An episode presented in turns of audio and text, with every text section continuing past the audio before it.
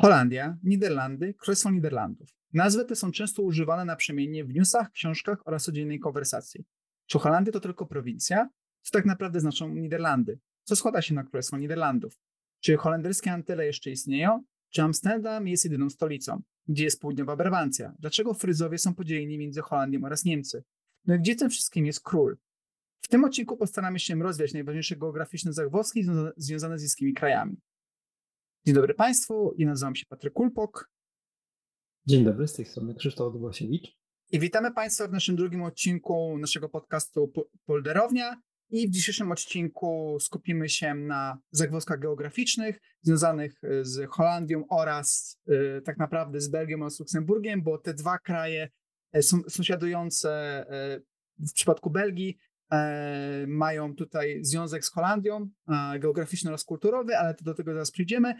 Bo zanim przejdziemy do, do, do samego odcinka, mamy jedno ogłoszenie, e, w sumie ogłoszenie i podziękowania. Tak, serdecznie dziękujemy za, za to, że wysłuchali Państwo nasz pierwszy odcinek.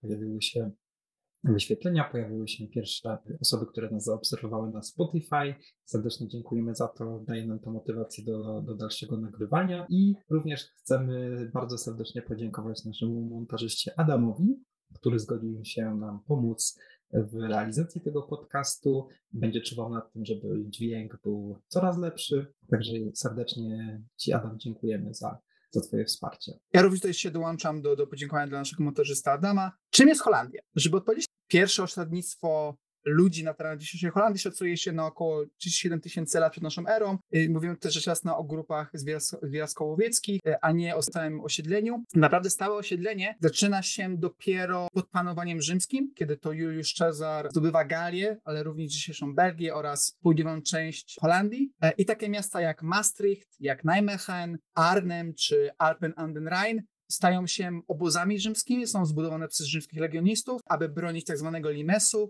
przed barbarzyńcami z Germanii. I te miasta rzecz jasna pod świetle wieków się rozrastają, stają się już pełnoprawnymi miastami. I tej obecność Rzymian trwa aż do upadku Cesarstwa Zachodnio-Rzymskiego na, na końcu V wieku i na gruzach Cesarstwa Zachodnio-Rzymskiego powstaje państwo frankijskie, rządzone przez Franków. Niskie kraje, czyli dzisiejsza Holandia, Belgia oraz Luksemburg, są dalej pod panowaniem obcym, są pod panowaniem frankijskim, aż do, aż do traktatu w Verdun w 843 roku, kiedy to państwo frankijskie zostaje podzielone trzy części i tutaj historycy mówią, że te trzy części dają początek takim państwom jak Francja, Niemcy i Włochy w współczesnym tego ujęciu. Przez to, że e, państwo frankijskie zostaje podzielone, również dzisiejsza Holandia jest podzielona oraz Belgia można tutaj wyróżnić właśnie ziemię, frank, e, ziemię fryzyjską, księstwo holenderskie, biskupstwo utreckie, biskupstwo heldereskie i tak naprawdę te ziemie są mniej lub bardziej zawsze dzielone, przekazywane są tutaj właśnie z pokolenia na pokolenie, bądź na przykład jakaś linia wygasa, ziemie są przejmowane przez kogoś innego. Tutaj nie będziemy też się skupiać na tych szczegółach, no bo to jednak jest tak naprawdę każda z tych części ma swoją, yy, ma swoją osobną historię, jest bardziej szczegółowa, a najbardziej chcę tutaj Państwa przepuścić tak w dużym skrócie aż do dnia dzisiejszego, dlaczego Holandia wygląda taka inaczej. Więc tutaj tymi terenami rządzi dynastia burgundzka i aż do końca XV wieku, kiedy to na, na bazie traktatu w Senli Burgundowie przekazują te ziemię hiszpańskiej gałęzi dynastii Habsburgów i tutaj tak zwanymi 17 prowincjami, ponieważ zostaje przekazana na tle tego traktatu 17 prowincji, zostają, dostają się one pod panowanie hiszpańskich Habsburgów, bo jak być może Państwo pamiętacie, Habsburgowie w Europie mieli swoje dwie główne linie, y, linię austriacką oraz, która była bardziej związana e, tutaj, miała oddziaływanie na Polskę oraz linię hiszpańską, która w pewnym momencie po prostu stała się rządzącymi dzisiejszą Holandią, Belgią oraz Luksemburgiem, czyli tak zwanymi 17 prowincjami. I tutaj właśnie pod panowaniem hiszpańskich Habsburgów możemy mówić o, począt o początkach niezależnej holenderskiej państwowości, ponieważ 1 sierpnia 1566 roku wybucha tak zwana wojna 80-letnia, która jest tak, e, wojną o niepodległość Holandii, e, zwana właśnie również holenderską e, rewolucją, re, e, holenderską re, rebelią, gdzie Holendrzy z pomocą Anglii oraz Francji próbuje się, próbują się wydostać spod panowania hiszpańskich Habsburgów. I ta wojna trwa 80 lat, kończy się 30 stycznia 1648 roku i, wojna kończy, i ta wojna kończy się pokojem w Minsteru, gdzie Holandia jest a raczej Zjednoczone Prowincje, stają się niezależnym państwem. I w tym samym czasie, kiedy Holandia walczyła o swoją niezależność, a naprawdę państwo holendersko-belgijsko-luksemburskie, jeżeli chcielibyśmy być bardziej dokładni, walczyło o swoją niezależność, w tym samym czasie rodzi się ta e, słynna tak naprawdę na cały świat holenderska kompania wschodnioindyjska, firma ta, bo jest, była to po prostu firma prywatna, zaczyna zdobywać kolejne kolonie dla Holandii i tutaj też jakby zaczyna się historia holenderskiego imperium kolonialnego. To wiedzieć, że podczas tej wojny, najważniejszą osobą podczas tej wojny, jakby liderem, jeden z liderów holenderskiego buntu stał się Willem Oriański, zwany również Cichem, który zostaje też pierwszą głową państwa, tak zwanym namiestnikiem. E, po niderlandzku jest to stadhouder dzisiaj. Jego potomkowie rządzą Holandią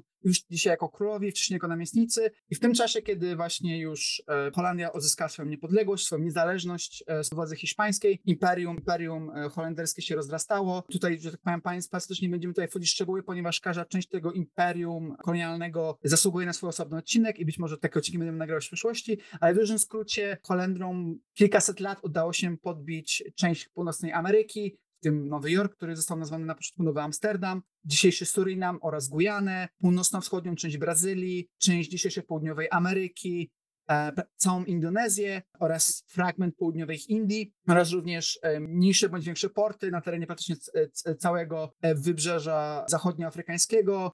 Kilka podkarzy mieli również dostęp do kilku portów w Japonii oraz w Chinach, więc tak naprawdę to, to imperium było może nie rozlegle terytorialne jak, jak imperium brytyjskie, jednakże dostęp do portów tak naprawdę holenderska bandera miała na całym świecie. I ten stan trwał tak naprawdę do wojen napoleońskich, kiedy to Napoleon podbija Zjednoczone Prowincje. W tym momencie też upada, zostaje rozwiązana kompania, holenderska kompania wschodnioindyjska, jednakże kolonie jak Indonezja czy Surinam dalej są pod panowaniem holenderskim. Tutaj właśnie francuska administracja początkowo chciała dać częściową niezależność Holandii, y, powstaje Republika Batawska, jednakże w pewnym momencie już Francuzi przyjmują całkowitą kontrolę nad Holandią i dopiero po pokoju wiedeńskim, po traktacie wiedeńskim po wojnach napoleońskich, kiedy to Europa zostaje podzielona na nowo pomiędzy e, zwycięską stronę, czyli głównie Rosję, Austrię, Prusy, Hiszpanię czy Wielką Brytanię, e, zostaje podzielona na nowo i tutaj powstaje kraj nazwany Zjednoczone Królestwo Niderlandów, e, gdzie tak naprawdę mamy tutaj Holandię, Belgię oraz Luksemburg i aż do roku 1830 ten stan trwa. W roku 1830 dochodzi do rewolucji belgijskiej, kiedy to, którą Belgowie wygrywają i Belgia od tego momentu przestaje być częścią Zjednoczonego Królestwa Niderlandów, staje się niezależnym państwem, niezależnym królestwem ze stolicą w Brukseli. To państwo istnieje, jak, jak, jak wiedzą Państwo, do dzisiaj. Ostatnia zmiana granic na terenie, na terenie europejskiej Holandii następuje w 1876 roku, kiedy to na, na podstawie traktatu londyńskiego Unia Personalna zostaje włączona Limburgia, i od tego momentu europejska Holandia, jeżeli chodzi o granice, nie zmienia się w ogóle do dzisiaj. W tym momencie, kiedy następuje już traktat londyński, Holandia jako imperium kolonialne dalej istnieje, jednakże nie jest już aż tak potężna, jak była w swoim tak zwanym złotym wieku. I pod swoim panowaniem ma sześć wysp nad Morzu Karaibskim, Surinam oraz całą Indonezję. Czyli tak naprawdę kolonie holenderskie są wielokrotnie większe niż sama europejska Holandia. Po II wojnie światowej był pomysł, aby w ramach rekompensaty za okupację niemiecką e, odebrać Niemcom część ziem zachodnich, czyli dzisiejszych teren e, landów takich jak Dolna Saksonia, czy, czy e, Westfalia, czyli takie miasta jak Münster, takie miasta jak Aquisgrán, Kolonia. Gdyby ten pomysł wszedł w życie, to one by się dzisiaj znalazł już pod panowaniem holenderskim, w holenderskim państwie. No jak, jak Państwo już wiecie, można spojrzeć na mapę, to nie nastało i granica Holandii zostaje zmieniona od mniej więcej e, od drugiej połowy XIX wieku aż do dzisiaj, jeżeli chodzi tutaj właśnie o kontynentalną część. Ostatnia, ostatnie kolonie tak zostało utracone przez Holandię po II wojnie światowej. E, Indonezja po wojnie o niepodległość po II wojnie światowej e, zostaje odłączona od Holandii w roku 1946. Później jest Surinam, podległość w 1975 roku. I, I, do dnia dzisiejszego jedynymi zamorskimi częściami Holandii, Królestwa Niderlandów, jest sześć wysp na Morzu Karaibskim. Jest to Bonaire, Saba, Sint Eustatius oraz Aruba, Curaçao i Sint Maarten, do, do których zaraz przejdziemy do dalszej części. Tutaj historyczną zamykamy i przechodzimy już do części bardziej współczesnej. Krzysztofie, czy jak mówię Holandia, czy ja mówię to poprawnie, bo słyszałem, że lat, już od kilku lat toczy się jakaś dyskusja, też w polskim internecie, że nie powinniśmy mówić Holandia, lecz Niderlandy. I teraz pytanie jest takie, co na to tak naprawdę polska władza, polskie słowniki, może jakaś rada, jeżeli chodzi o standaryzację nazw zagranicznych? Czy, czy mógłbyś mi oraz tutaj y, naszym słuchaczom przybliżyć ten temat? Jak powinniśmy w ogóle nazywać ten kraj? Oczywiście. Jeżeli chodzi o naz polskie nazewnictwo tego kraju, to nazwa Holandia jest jak najbardziej poprawna, mimo że jest to nazwa, która nie jest do końca precyzyjna, ponieważ Holandią nazywamy dwie prowincje, prowincję Holandii Południową i Holandię Północną, gdzie znajdują się najważniejsze miasta tego kraju. Jednak sama ta nazwa, nazwa, nazwa Holandia nie jest nazwą błędną, jest nazwą dopuszczalną, a nazwa państwa oficjalna, która występuje na wielu rządowych y, dokumentach, która jest y, używana podczas jakichś y, spotkań między rządem Polski a rządem Holandii, to oczywiście Królestwo Niderlandów. Ta nazwa funkcjonuje jako nazwa oficjalna tego państwa i została ona zmieniona. Tutaj masz rację, zostały zmiany e, przeprowadzone oficjalne. W 1997 roku zmieniono to z Królestwa Holandii na Królestwo Niderlandów, ponieważ samo Królestwo Holandii jako termin nie był dosyć precyzyjny. E, nazwa ta odnosi się do królestwa, które funkcjonowało za czasów napoleońskich, tak jak wspomniałeś, w trakcie francuskiego panowania. Więc Polska używała przez ponad y, niecałe, niecałe 200 lat nieprawidłowej nazwy na całe państwo, więc w 1997 roku zmieniono to na Królestwo Niderlandów, ale zwyczajowo używamy nazwy Holandia do określenia całego państwa. Jeżeli chodzi o to, dlaczego nastąpiło takie poruszenie w internecie kilka lat temu y, w związku ze zmianą nazwy tego państwa, to oczywiście nie odnosiło się ono do naszych polskich realiów, tylko do realiów anglojęzycznych, ponieważ w języku angielskim mamy Holland, które znaczy, e, znaczy konkretnie dwie prowincje, South Holland, North Holland e, oraz The Netherlands. Więc rząd Holandii chciałby na cały kraj używać jego poprawnej nazwy, czyli The Netherlands, a nie tylko Holland. Miało to podłoże marketingowe, ponieważ Holland kojarzyło się zbytnio z Amsterdamem, z turystyką, z turystyką e, narkotykową, więc konotacja dla rządu nie była zbyt dobra i poprosili o to, by e, w materiałach używać poprawnej nazwy kraju, taka jaka jest w języku angielskim, czyli Netherlands, tak zwane, jeżeli mamy na przykład e, mecze, to żeby pisać NED, i żeby tej nazwy, e, nazwy używać, ponieważ obejmuje ona cały kraj, wszystkie 12 prowincji, jakie posiada ten kraj w swojej europejskiej części. Więc dlatego, e, podsumowując mój wywód, my jako Polacy, użytkownicy języka polskiego, możemy korzystać z terminu Holandia. Królestwo Niderlandów jest to oficjalna nazwa państwa, używana przez, e, przez polskie władze w różnych umowach międzynarodowych i innych traktatach, a cała drama związana ze zmianą nazwy dotyczyła tylko e, anglojęzycznych e, użytkowników, tak żeby po prostu nazywać kraj poprawnie Netherlands, który obejmuje wszystkie 12 prowincji, a Holand jako nazwę zwyczajową e, odpuścić i być bardziej inkluzywnym w tym swoim języku i w tej swojej terminologii. Bo tak naprawdę ja osobiście też zauważyłem, że właśnie w internecie dużo ludzi używa stwierdzenia Niderlandy, mówiąc wyłącznie o Holandii, co, znaczy właśnie co wcześniej powiedział Krzysztof, no Niderlandy geograficznie po polsku to są niskie kraje, czyli tak. mówiąc Niderlandy mamy na myśli Holandię, Belgię oraz Luksemburg. Czyli no próbując być bardziej precyzyjni, nie jesteśmy, nie jesteśmy jeszcze mniej precyzyjni niż mówiąc Holandię.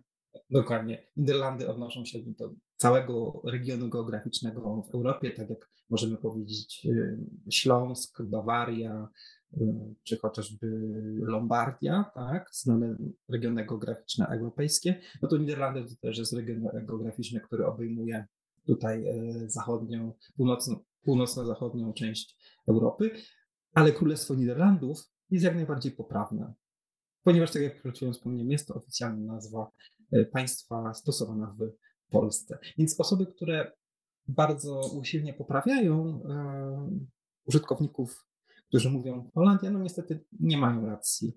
Może wynika to z tego, że czasami troszeczkę w tym natłoku informacji czegoś się nie doczyta, czegoś się nie dopatrzy i później, yy, później myśli się, że to również dotyczy, dotyczy nas. Nie, my tutaj mamy już ustandaryzowane procedury i tego się trzymajmy. Wydał się po prostu głuchy telefon, że ludzie zamiast po prostu spojrzeć do źródła kół na internecie, że, który mówi, że Holandia dalej jest poprawną nazwą, będą się wspierać, że nie, nie, nie, ale przecież to czy Holandia.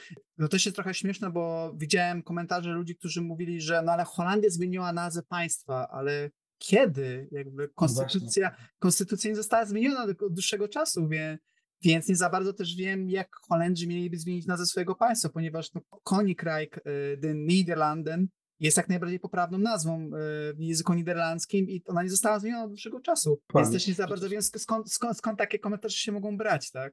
E, oczywiście wjeżdżając do Holandii od strony Belgii lub Niemiec, widzimy napis Nederland. Nie ma tam Holland, tylko jest Nederland. Także to nam sugeruje, jakiej nazwy na swoje państwo używają Holendrzy. Dobrze. I mamy nadzieję, że uda nam się rozwiać e, Państwu e, problematykę jeżeli, językową, jeżeli chodzi o nazwę tego kraju, więc teraz musimy się skupić bardziej na tego, z czego składa się Holandia. Królestwo no, Niderlandów, tak? Obie te nazwy są poprawne. Tak, Holandia, Królestwo Niderlandów, tak jak żeśmy sobie to wcześniej ustalili. E, w ogóle... Bo, bo w, tym, bo w tym przypadku to jest akurat ważne, czy mówimy Holandia, czy Królestwo Niderlandów, jeżeli chodzi o geografię i administrację tego kraju.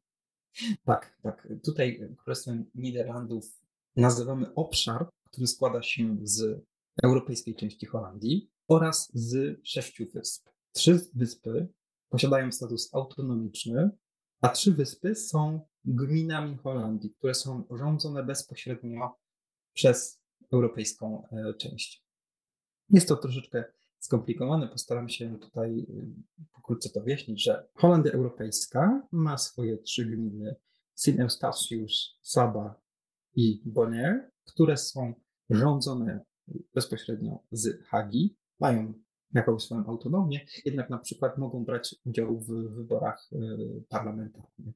Są po prostu traktowane jako część państwa holenderskiego z zaznaczeniem, że nie są one członkami Unii Europejskiej. A trzy inne wyspy, Aruba, Curaçao i Sint nie są rządzone z Hagi, mają własne rządy, własne parlamenty, nie są członkami Unii Europejskiej, jednakże król Holandii, bądź królowa, władca tego kraju, jest również głową państwa. I obywatele tych wysp są również e, obywatelami Holandii, mają holenderski paszport. Co, co tutaj właśnie przez to e, dochodzi do takiego trochę absurdu, bo co prawda te sześć wysp nie jest, nie jest częścią Unii Europejskiej, co akurat w przypadku zamorskich terytoriów, e, terytoriów państw europejskich nie jest aż tak e, niesłychane, nie, ponieważ przykład Gujana francuska jest częścią Unii Europejskiej, ale te sześć wysp nie jest. Jednakże obywatele tych wysp mają dostęp do paszportu holenderskiego, przez co stają się obywatelami Unii Europejskiej, więc podróżowanie po Europie dla nich jest tak jak dla nas możemy bez problemu, e, bez żadnej wizy mieszkać na terenie e, innego kraju Unii Europejskiej, możemy tutaj się starać o pracę, więc pomimo tego, że ci ludzie pochodzą z terytorium Morza Karaibskiego, jeżeli zdobywają, jeżeli dostają paszport holenderski, stają się pełnymi obywatelami Holandii z prawami wyborczymi i mogą głosować i na, i na terytorium swojej wyspy oraz w wyborach do parlamentu czy do władz prowincji na terytorium Holandii. Oczywiście potem, jak wcześniej są zarejestrowanymi mieszkańcami e, kontynentalnej e, e, Holandii. Dokładnie, więc ale tutaj też jeszcze, jak wspomniałem, te trzy wyspy, które są rządzone bezpośrednio z Hagi, one akurat no, mają, e, mieszkańcy tych wysp mają możliwość udziału w wyborach parlamentarnych właśnie z tego względu, że e, mieszkańcy są również uprawnieni do wyboru swoich przedstawicieli. A status ten zmieniono w 2010 roku, kiedy istniały jedne antyle holenderskie, jedno terytorium które zostało właśnie rozbite na trzy wyspy należące bezpośrednio do Holandii i trzy wyspy, które y, i rządzone z Hagi i trzy wyspy, które są częścią Królestwa y, Niderlandów i posiadają, posiadają autonomię. Właśnie tutaj widać, że ta przeszłość Holandii, ta przeszłość kolonialna rodzi również komplikacje obecnie, ponieważ no, my tutaj w Polsce no, nie mamy takiego, nie mamy takiej historii, też nie, nie, nie wiemy, nie mamy terytorium zamorskim, więc nie, jest nam troszeczkę ciężko jakby odnieść to do czegoś, co bezpośrednio znamy. Ale myślę, że przybliżyliśmy to Państwu y, tak y, dokładnie, jak, jak potrafimy. Warto wspomnieć, jeszcze Krzysztofie Ci przerwę, warto wspomnieć o kilku rzeczach związanych z tymi, tymi sześcioma wyspami. Po pierwsze, rozpad Antylów holenderskich był na ich wniosek. To mieszkańcy tych sześciu wysp postanowili zrewidować umowę z Holandią i to oni decydowali w, w głosowaniach powszechnych na temat statusu swoich wysp. Mieszkańcy trzech wysp wybrali dalej, że są być częścią Holandii, z kolei mieszkańcy pozostałych trzech wysp postanowili być de facto niepodległymi krajami, jednakże związanymi z, z Królestwem Niderlandów. Najprościej można trochę to porównać z Wielką Brytanią, e, Zjednoczonym Królestwem, żeby być bardziej poprawnym, gdzie Walia, Szkocja, Anglia oraz Irlandia Północna są równymi jej częściami, jednak nie składają się na jedno królestwo i każdy z tych krajów ma swój własny rząd, często też ma swoją własną walutę. Te sześć wysp również mają swoje własne waluty, nie używają, nie, żaden z nich nie używa waluty euro. Dwie z tych wysp chociażby używają na co dzień amerykańskich dolarów, ponieważ tutaj na tych wyspach też widoczny jest bardzo duży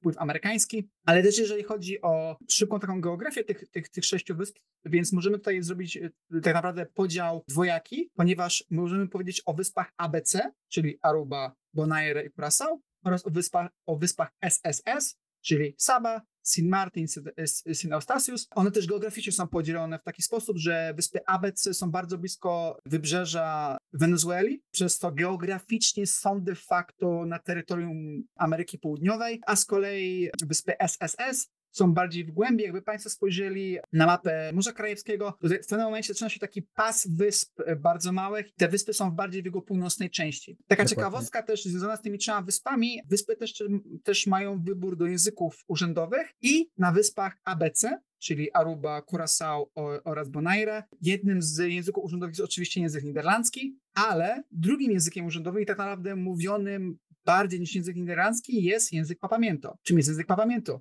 Być może Państwo nie słyszeli nigdy o tym języku i nie jest to w żaden sposób tak naprawdę zadziwiające, ponieważ język ten używany jest tylko i wyłącznie na tych trzech wyspach oraz przez diasporę, która głównie zamieszkuje Holandię. Jest to język kreolski na bazie portugalskiego oraz hiszpańskiego z dużymi wstawkami z języka angielskiego oraz niderlandzkiego. Jakby Państwo kiedyś, y, y, jakby oddać moje osobiste doświadczenie z użytkowami języka papamiento, to proszę wyobrazić, że słuchają Państwo człowieka albo grupę ludzi, którzy mówią papamiento i mieszają hiszpański, portugalski, angielski oraz niderlandzki. Tak w dużym skrócie można to określić. Jakby jest to bardzo wymieszany język, bo jest to język kreolski. Jest tak naprawdę na przykład dziękuję w papamiento albo w papamientu, to danki, który oczywiście ma tutaj bardzo duży e, związek z niderlandzkim dankjewel albo bedankt. Z kolei proszę to nic innego jak hiszpańsko albo portugalskojęzyczne denada. Posługuje się na co dzień ponad 100 tysięcy ludzi. Jest to wielkość średniego miasta w Polsce, czyli nie aż tak mało. Jest to, jest to język bardzo ciekawy. Jakby jeżeli Państwo mieliby chwilę, to na YouTube można spokojnie znaleźć e, użytkowników tego języka, żeby ich posłuchać. Dodatkowo na wyspach SSS a oraz na wyspie Curaçao angielski jest również językiem urzędowym jest to jedyny tak naprawdę część Królestwa Niderlandów, gdzie angielski jest oficjalnym językiem urzędowym, pomimo tego, że 95% Holendrów potrafi się posługiwać językiem angielskim i robi to też na, często na co dzień. Angielski na terenie kontynentalnej Holandii nie jest językiem urzędowym, Gdybyście Państwo pojechali kiedyś na Sint Maarten na przykład, to z niderlandzkim może być problem. Jakby po angielsku wszystkim, wszystkim się można dogadać, z niderlandzkim może być problem. To też jakby warto wspomnieć o samym Sint Maarten, Wyspa ta jest podzielona na dwie części, na część holenderską oraz francuską. I jest to też jedyna granica pomiędzy tymi dwoma krajami, co jest w sumie ciekawe, bo jest to po prostu jedna wyspa, która po prostu jest podzielona pomiędzy Holandię i Francję, więc de facto Holandia ma nie dwóch sąsiadów, a trzech. Niemcy, Belgię oraz Francję właśnie z powodu wyspy Sint Maarten. No tutaj może jakby doprecyzować Królestwo Niderlandów, ponieważ jeżeli ta wyspa, jeżeli Sint Maarten byłoby częścią Holandii rządzoną przez Hagę, no to wówczas moglibyśmy mówić, że to faktycznie jest granica y, francusko-holenderska w Karaibach. Tutaj w tym wypadku powiedzmy, że jest to, jest to granica wyspy, która należy do Królestwa Niderlandów, tak, ale nie, nie jest to granica, y, która znajduje się w strefie Schengen, tak? No, nie, nie, nie tak, tak. E, ale co, ale co warto wspomnieć, w Holandii było miejsce takie zdarzenie, że, że szef browarów Heineken został porwany. Po uwolnieniu jego, jego sprawcy tego, tego zamachu uciekli do Francji zostali złapani przez francuską policję i w tym momencie pojawił się problem, jak tych przestępców wysłać do Holandii, ponieważ pomiędzy Holandią a, a Francją jest Belgia, więc, więc oczywiście tutaj transport samochodowy w ogóle wypada, bo policjanci francuscy no nie mogą tak po prostu sobie przejechać przez Belgię jakby nigdy nic, więc po prostu, więc Holandia oraz Francja E, dogadali się, wszyscy polecieli razem na St. Martin i tam zostało po prostu przekazanie winić zostało, zostało zrealizowane na, przez, przez francusko-holenderską granicę. Tak, czyli ta granica e, przydała się do czegoś, e, do czegoś pożytecznego, tak? W tym przypadku złapanie przestępców.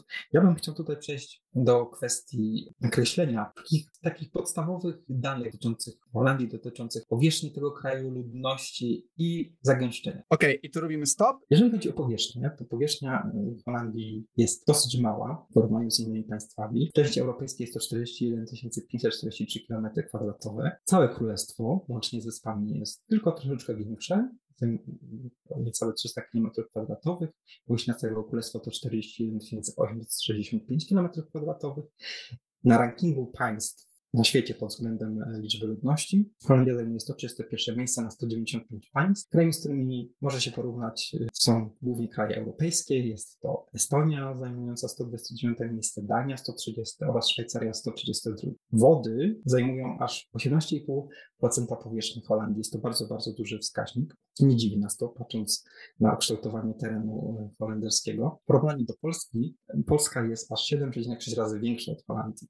Jeżeli mielibyśmy porównać powierzchnię Holandii z jakimś miejscem w Polsce, to przygotowując się do tego odcinka, policzyłem sobie, że powierzchnia trzech polskich województw które leżą w jednym województwa dolnośląskiego, opolskiego i śląskiego, sumowana daje praktycznie taką samą powierzchnię, jaką ma Holandia, więc możemy sobie e, popatrzeć teraz na mapę Polski, na ten fragment, e, fragment południowo-zachodni powiedzieć, że właśnie taki obszar jest praktycznie identyczny z powierzchnią tego małego zachodnioeuropejskiego kraju. Jeżeli chodzi o liczbę ludności, to tutaj zgodnie z danymi z Urzędu Statystycznego CBS, pod koniec 2022 roku Holandię metropolitalną zamieszkało prawie 18,5 miliona osób. W trakcie e, tego roku przyrost naturalny był ujemny, jednak występowało bardzo wysokie saldo, e, saldo migracji. Dodatnie, zobaczmy, do Holandii przyjechało wówczas 400 tysięcy osób, wyjechało z niej po 170 tysięcy, więc liczba kraju po, powiększyła się o prawie 225 tysięcy osób. Jednak jak wiemy, rok 2022 był e, dosyć e, wyjątkowy pod tym względem, ponieważ Holandia przyjęła, szacuje się, około 95 tysięcy uchodźców z Ukrainy, więc dlatego liczba ludności tak wzrosła, ale tutaj patrząc na z tego roku, z maja, liczba ludności wyniosła, wynosiła prawie 18 milionów 860 tysięcy, czyli zanotowaliśmy wówczas wzrost o prawie 45 tysięcy w porównaniu do, do początku roku i możemy tutaj założyć, że do końca roku ta liczba ludności e, wzrośnie około 100 tysięcy, więc jest tak, tak jakby to, jest to jakby stały, stały wzrost Holandia e, czuje. Zagęszczenie ludności Holandii jest jednym z najwyższych w Europie i na świecie. Jest to 424 osoby na kilometr kwadratowy. Daje to Holandii 20 miejsce na świecie, piąte miejsce w Europie. A jeżeli wyłączymy y, mikropaństwa, jest to miejsce drugie, gdyż Holandia ustępuje miejsca tylko Malcie. Dla porównania Polska z ponad 120 osobami na kilometr kwadratowy jest 3,5 raza mniej y, zagęszczona. Gdybyśmy mieli tako, tak samą, taką samą y, gęstość zaludnienia, jaką ma Holandia, no to Polska byłaby tak zaludniona jak, jak Rosja, miałaby ponad 140 milionów osób. Ciekawe, jak, jak wyglądałoby by, by to, by faktycznie była to prawda. Jeżeli mielibyśmy tak wysoką gęstość zaludnienia, jednak Holandia mimo tej gęstości sobie całkiem dobrze. A zaznaczmy, że ta gęstość nie jest oczywiście równomiernie rozłożona, ponieważ mamy region Randstad w środkowo-zachodniej części kraju oraz regiony, które są mniej zurbanizowane, y, bardziej rolnicze na wschodzie, bardziej przy granicy z Niemcami i z Belgią. Przejść do podziału administracyjnego Holandii. Europejska Holandia składa się z 12 prowincji. Idąc od północy mamy prowincję Groningen z miastem Groningen. Jest to prowincja, która jest znana z tego, że od lat 60. zeszłego wieku wydobywano tam gaz, ponieważ znajdowały się tam jedne z największych na świecie złóż gazowych.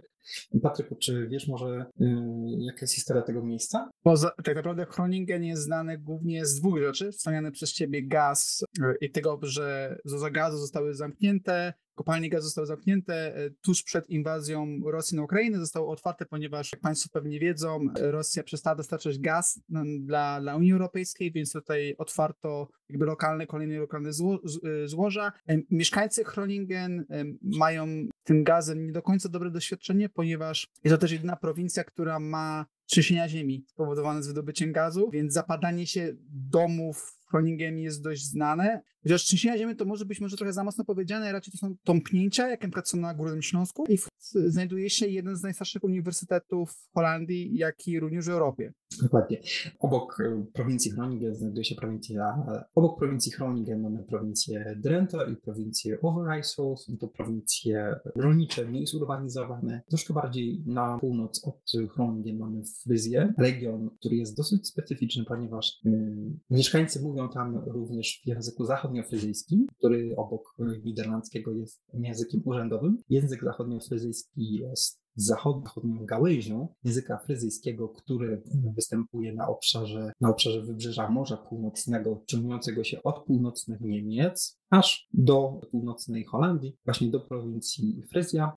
Północna część Niemiec, to na przykład wyspa Sylt czy Fyr, e, mówi się tam w dialekcie wschodniofryzyjskim, Powiedzmy, jest to gałąź tego języka wschodniofryzyjska, a w fryzji holenderskiej mówi się po zachodniofryzyjskiemu. Jest to język, który należy do grupy języków zachodniogermańskich, do gałęzi anglofryzyjskiej. E, język ten jest podobny do języka niderlandzkiego. Oczywiście są, są zachowane te, te różnice. Jednak myślę, że osoby znające niderlandzki są w stanie zrozumieć o co chodzi osobie, która posługuje się fryzyjskim, są w stanie to przeczytać. Czy ty, Patryku, może miałeś jakieś e, doświadczenia z osobami e, z Fryzji, które mówiły coś na temat tego języka? Osobiście, być może się z nim posługiwały? Na razie nigdy jeszcze nie byłem w Fryzji, nie byłem w Leeuwarden, która jest stolicą Fryzji. Spotkałem co prawda kilku Fryzyjczyków. Nie miałem jednak okazji słyszeć fryzyjskich rozmówców, którzy po prostu prowadzą rozmowę we fryzyjskim, no ale z tego, co jakby też zajrzałem na YouTube'a, e, fryzyjski rzeczywiście jest dość podobny tutaj do języka angielskiego, do języka niderlandzkiego niderlandzkiego. Prakt fryzyjski ma więcej korzeni z językiem angielskim niż z językiem niderlandzkim, mimo tego, że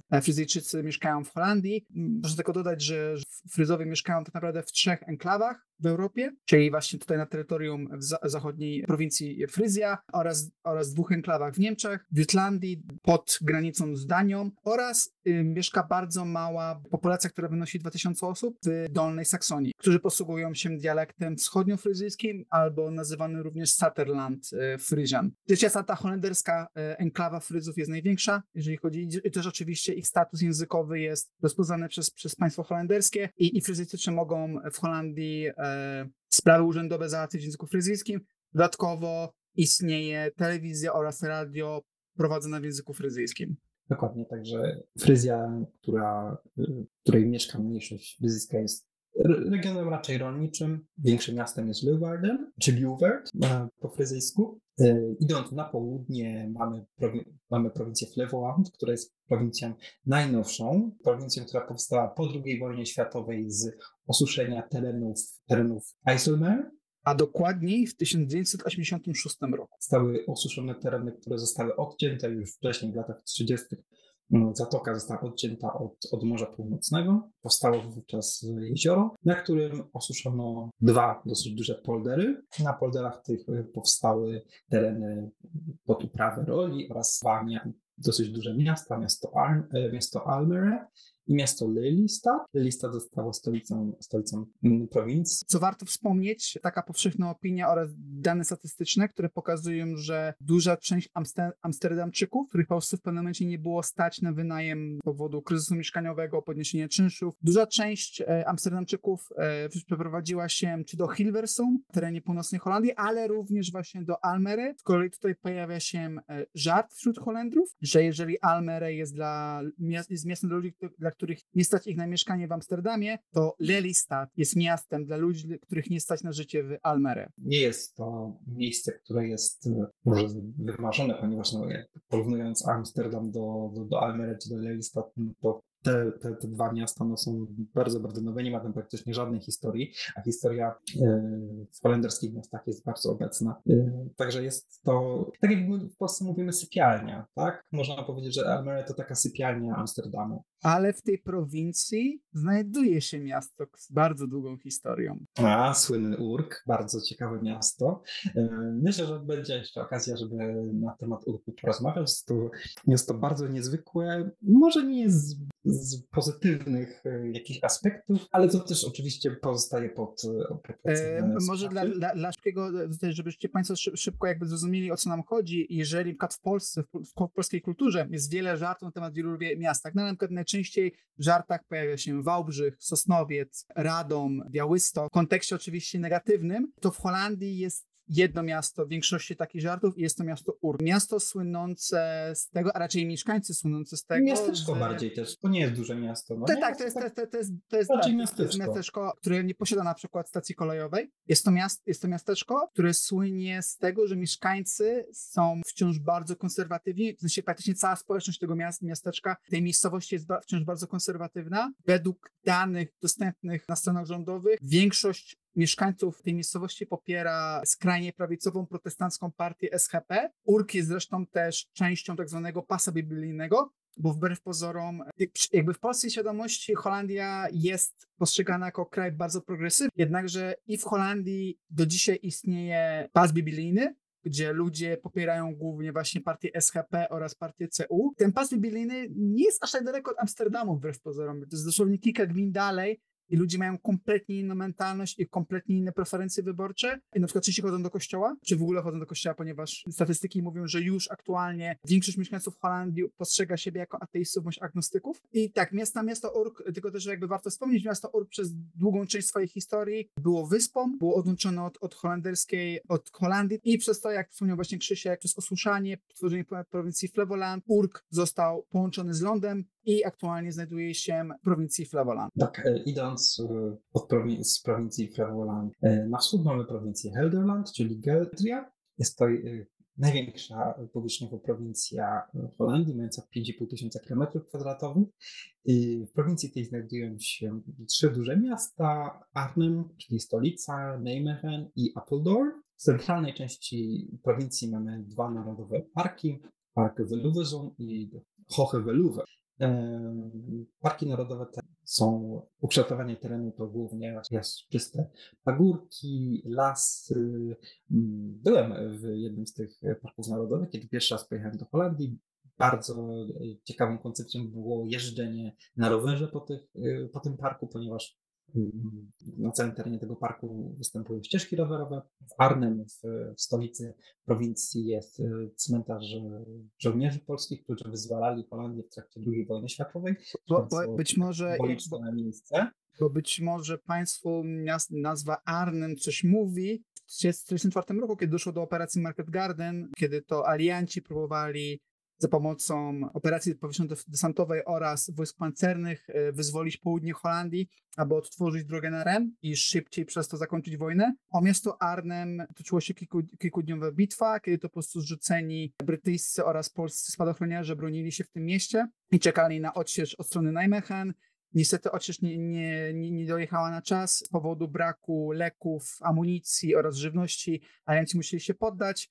E, i operacja Market Garden upadła. Pomysł, żeby zakończyć wojnę jeszcze w 1944 roku również upadł, więc jeżeli oczywiście Państwo oglądali e, w taki bardzo znany film O jeden może daleko, to duża część tego filmu była kręcona w mieście Arnhem. Ekipa, ekipa, ekipa przyjechała do Holandii i tak. tak. naprawdę wszystko było kręcone, większość tych scen była, jest kręcona jakby w mieście Arnhem, więc... Arnhem jest, idąc dalej na południe od y, Pójdziemy sobie tutaj właśnie na południe i później z południa przejdziemy na zachód do tych głównych e, prowincji Holandii, ale na południe od, od Geldry znajduje się prowincja e, Brabancja Północna. Obok Brabancji Północnej znajduje się Limburgia. Są to te prowincje, które zostały włączone do Holandii w XIX wieku które oryginalnie nie należały do, do Zjednoczonych Prowincji. Są to prowincje historycznie katolickie, e, co stanowi kontrast z, z protestancką północą tego kraju.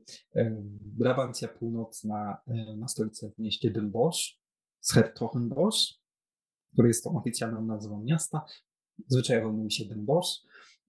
Brabancja Północna jest również prowincją dosyć rolniczą, jednak ma cztery główne miasta, wspomniane Den Bosch, Breda, Tilburg oraz Eindhoven. Eindhoven jest miastem uniwersyteckim, miastem przemysłowym. Znajduje się tutaj drugi, miastem, dru, drugi największy port lotniczy. Tak, drugi największy port lotniczy, z którego wiele lotów ma połączenie z Polską na przykład z portem Katowice-Pyrzowice. I są to loty, proszę Państwa, tańsze niż z Amsterdamu. Tak, tańsze. Jest to port, który właśnie obsługuje w większości linie tak zwane low-costowe. Eindhoven jest oprócz tego również siedzibą uniwersytetu oraz miastem, z którego pochodzi bardzo znana marka elektroniczna Philips. Obok Eindhoven mamy Tilburg, czyli miasto również przemysłowe, związane z przemysłem lekkim, siedziba również jednego z bardziej znanych uniwersytetów w Holandii. I jeszcze obok mamy Bredę, które jest również miastem zabytkowym, z, które jest również światowej praktyką, czy mógłbyś tak przybliżyć, o co chodziło? W dużym skrócie, jak, kiedy właśnie została przez mnie wspomniana wcześniej właśnie operacja Market Garden, wojska pancerne pod, pod przewodnictwem generała Maczka wyzwoliły Bredę. Jeżeli Państwo byliby kiedykolwiek na dworcu centralnym w Bredzie, na dworcu głównym w Bredzie, pro, proszę tam poszukać wystawy. Jest tam taka stała wystawa za szkłem i jednym z elementów tej wystawy jest to jakby wystawa poświęcona ogólnie historii miasta. I jednym elementem tej wystawy jest proporzec pierwszej dywizji pancernej generała Maczka. Symbolem tej dywizji jest czarny hełm i czarne skrzydła husarskie. Więc to jest takie oddanie hołdu polskim pancerniakom, którzy po prostu wyzwolili Berdę spod okupacji niemieckiej. Tak. Z Holandii Północnej przejdziemy sobie na chwileczkę do Limburgii, czyli do prowincji najbardziej wysuniętej najbardziej na południe. Stolicą Limburgii jest Maastricht miasto uniwersyteckie, bardzo znane z traktatu z Maastricht z 1993 roku. To stanowiło podwaliny pod Unię Europejską, którą znamy, znamy obecnie. Był to, drugi, był to traktat, który był traktatem obowiązującym do czasu podpisania traktatu lizbońskiego w 2009 roku. Miasto, którym, jak, jak to się mówi, bardzo dużo wpływów jest już belgijskich, tak, architektonicznie. Oczywiście to jest to miasto katolickie, Flandria. Limburgia cała położona nad rzeką Mozą, która stanowi dopływ Renu. I, i graniczy i z, i z Walonią oraz z Flandrią, czyli dwiema największymi częściami Belgii oraz jest to jedyny teren w Holandii, gdzie w cudzysłowie możemy zobaczyć góry. Góry, które mają po 300 metrów. Na terenie Limburgii znajduje się też najbardziej najwyższy szczyt powiedzmy Holandii. Jest to, nie jest to szczyt, oczywiście jest to trójstek holendersko-belgijsko-niemiecki, który ma niecałe 400 metrów nad poziomem morza. I tak jak Patryk powiedział, ukształtowanie tego terenu jest dość pagórkowate, odstaje od tego, co, co można zobaczyć w środkowych, w środkowych częściach Holandii. Osoby, które jeżdżą do, do Limburgi, często z Limburgii przeskoczymy sobie troszeczkę nad Brabancją Zelandia, która jest najmniejszą pod względem ludności prowincją tego kraju. Stolicą jest Middelburg. Zelandia jest prowincją wyspiarską w dużej części. Na jej powierzchni, na jej teren składa się kilka wysp. Jest to prowincja, która jest znana głównie z miejscowości wypoczynkowych, jest bardziej wakacyjna. Dużo ludzi przyjeżdża tam właśnie w sezonie urlopowym. Jest ona bardzo mało uprzemysłowiona, bardzo słabo uprzemysłowiona. Nie ma tam praktycznie dużych miast. Stolica tej, tej prowincji jest to miasto, które w porównaniu z innymi miastami holenderskimi jest naprawdę małe, za kilkadziesiąt tysięcy mieszkańców. Czyli tak, z Zelandii przenosimy się do najbardziej zaludnionej prowincji holenderskiej, do Holandii Południowej, mającej 3,8 miliona mieszkańców. Jest to naprawdę dużo. W Holandii Południowej znajdują się główne miasta tego kraju, czyli Rotterdam, drugie co do wielkości miasto z portem, jednym z największych portów w Europie i na świecie, Haga, czyli siedziba rządu i parlamentu, siedziba wielu ważnych instytucji o znaczeniu światowym, Leiden, Leida po polsku, miasto uniwersyteckie, Delft, również miasto uniwersyteckie z bardzo znaną politechniką, Dordrecht, y, Alpen an den Rhein. Holandia Południowa to prowincja jest dość, bardzo mocno zurbanizowana. Południową część aglomeracji Randstad, czyli jednego z największych, jedna z największych konurbacji europejskich. Idąc od Holandii Południowej na wschód, troszkę na wschód mamy Utrecht, prowincję Utrecht z głównym jej ośrodkiem, czyli miastem Utrecht, miastem bardzo starym, które świętowało w zeszłym roku 900-lecie istnienia, siedzibą biskupstwa, obecnie miastem uniwersyteckim, jednym z czwarte, naj... czwarte największe miasto, tak? Jeżeli chodzi o tak, populację. czwarte największe miasto. Jeżeli chodzi o populację, miasto bardzo przepełnione zabytkami, miastem, które ja osobiście nazywam mniejszym Amsterdamem. Jest y, również bardzo dużo kanałów, bardzo dużo, bardzo dużo różnych małych uliczek, po których można się poprzechadzać w centrum, jednak, że jest ono mniejsze niż Amsterdam, nie ma aż tylu, tylu turystów. No i teraz idąc z Utrechtu już przechodzimy do naszej finalnej, dwunastej prowincji, czyli do Holandii Północnej, w której znajduje się oczywiście Amsterdam, stolica tego kraju. E, stolicą Holandii e, Północnej jest Haarlem, czyli miasto drugie po Amsterdamie. Holandia Północna dzieli się na powiedzmy dwie części. Na północy jest ona bardziej rolnicza, na południu mamy właśnie Amsterdam, Hilversum, czyli miasto, w którym e, siedzibę swoją ma holenderska telewizja, Harlem, Zandvoort, jeden z popularniejszych kurortów nad Morzem Północnym i miasto, gdzie odbywają się wyścigi Formuły 1. Patryk, mam do Ciebie pytanie, ponieważ Amsterdam jest stolicą konstytucyjną Holandii, jest tam oficjalnie siedziba króla, ale czy króla możemy tam spotkać? Czy jest może, nie wiem, jakieś inne jeszcze miasto,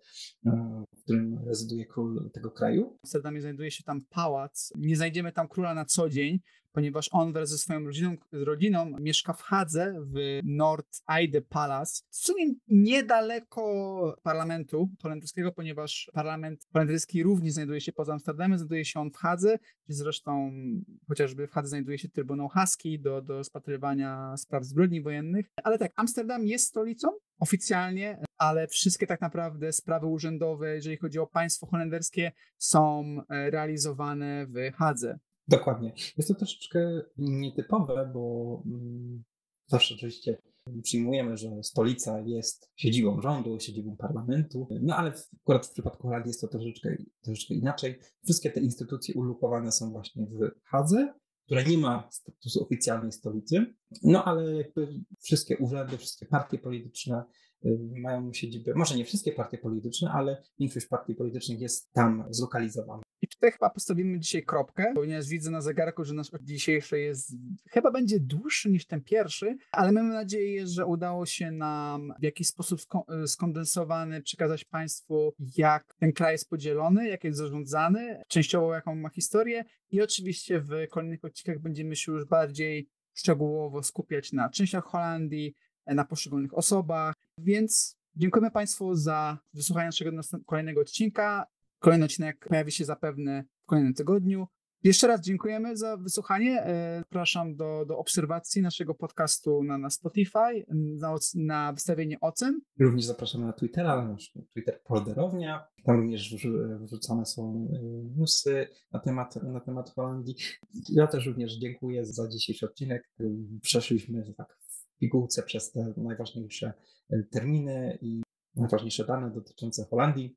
Oczywiście będziemy się bardziej wgłębiać w różne tematy w przyszłych odcinkach. Dziękujemy serdecznie i do zobaczenia następnym razem. Dziękuję bardzo. Do usłyszenia. Do usłyszenia.